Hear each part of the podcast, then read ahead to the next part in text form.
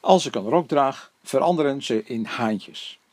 Annie werkt bij een installatiebedrijf, waar verder alleen mannen werken. De recht toe recht aansvier en de schuine moppen kan ze prima aan. En meestal is ze gewoon een van de jongens. Tot ze op een zonnige lenteochtend in een rok op het werk verschijnt. Annie. Ik werk bij een installatiebedrijf en dat is echt een mannenwereld. Recht toe, recht aan en geen gelul. Daar hou ik wel van. Ik heb het daar ook zich prima naar mijn zin. Maar er is wel een ding waar ik vreselijk van baal. En dat is dat ik eigenlijk nooit een rok aan kan naar mijn werk. Ik hecht aan mooie kleding. Ik zie er graag verzorgd uit. Ik maak me ook altijd op. Omdat ik 20 minuten moet fietsen naar mijn werk, draag ik meestal een lange broek. Daar doe ik dan een mooie blouse over met een colbertje. Maar mijn collega's zien dat niet. Dat zijn nogal rouwdouwers, maar ik voel me daar prettig in.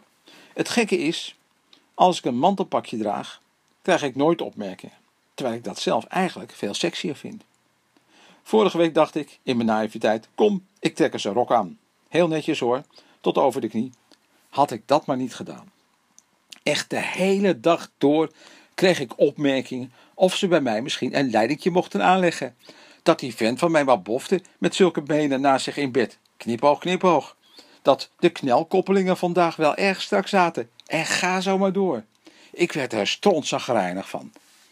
Tijdens de lunch heb ik gezegd dat ik het nogal kinderachtig vind dat ze zich zo gedragen, zodra ik een rok aan heb. Maar ja, daar moesten ze allemaal keihard om lachen. Als een vrouw een rok aantrekt, dan vraagt ze erom, vinden ze. Gert. Normaal gesproken kan Annie wel tegen een geintje. We maken wel vaker opmerkingen die op het randje zijn. En Annie lacht dan altijd keihard mee. Het is echt een moordwijf. Als de jongens aan het moppentappen slaan, doet ze net zo hard mee. En die moppen zijn heus niet allemaal geschikt voor de jonge oortjes. Als je begrijpt wat ik bedoel. Wat mij betreft past ze prima in het team. Ze doet de administratie, maar ze is nooit te beroerd om de handen uit de mouwen te steken als er iets gesjouwd moet worden. En technisch, technisch is ze ook niet op haar achteraf gevallen. Ik weet eigenlijk niet hoe Annie zich kleedt. Wel netjes geloof ik, ik let er nooit zo op. Maken wij allerlei opmerkingen als ze een rok draagt? Nou, geen idee. We maken altijd overal opmerkingen over, dus daar zullen we dan ook wel iets over te zeggen hebben. Tja, jeetje, we werken hier met zeven mannen en de bouw is toch, hoe je het ook bekijkt, een macho-wereld. De keren dat hier een vrouwelijke loodgieter solliciteert, kan ik op één vinger tellen. Dat was zo'n uh, fragiel wijfje, dat ik uh, nog uh, voor ze haar mond had opengedaan, al wist dat het niet zou worden. Als zij een rok zou dragen, zouden we, denk ik, direct een paar verstevigingslatjes langs die benen aanbrengen, uit angst dat ze anders zouden breken. Geintje. Maar ja, zo gaat dat hier dus. Het is gewoon hartstikke gezellig en Annie moet niet zo moeilijk doen. De mediator. Uiteraard zijn er culturen en worden er grapjes gemaakt in een bedrijf. Maar per organisatie zal dat verschillen. Toch is het niet zo dat daarom alles als normaal kan worden opgevat. Of als iets dat begrepen moet worden, omdat het nu eenmaal zo hoort. Bepalend is daarin ook hoe de leiding hiermee omgaat. In dit geval is het rokje van Annie reden voor grapjes. Dat is iets anders dan in het algemeen schuine moppen, waarbij niemand specifiek het mikpunt is.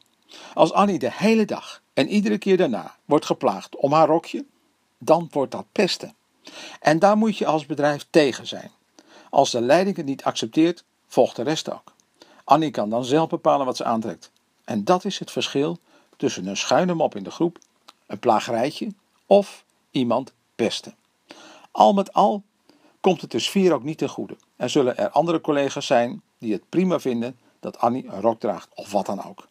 Vaak doen ze mee omdat ze bang zijn om zelf anders het doelwit te worden van pesten. Vind je dat je met deze uitleg nog steeds dat dat erbij hoort, Gert? Als jij de cultuur bepaalt waarin iedereen zich prettig voelt, heb je goede mensen die voor je gaan. En anders creëer je bange mensen die lachen om een flauwe grap. Wat vind jij, Annie?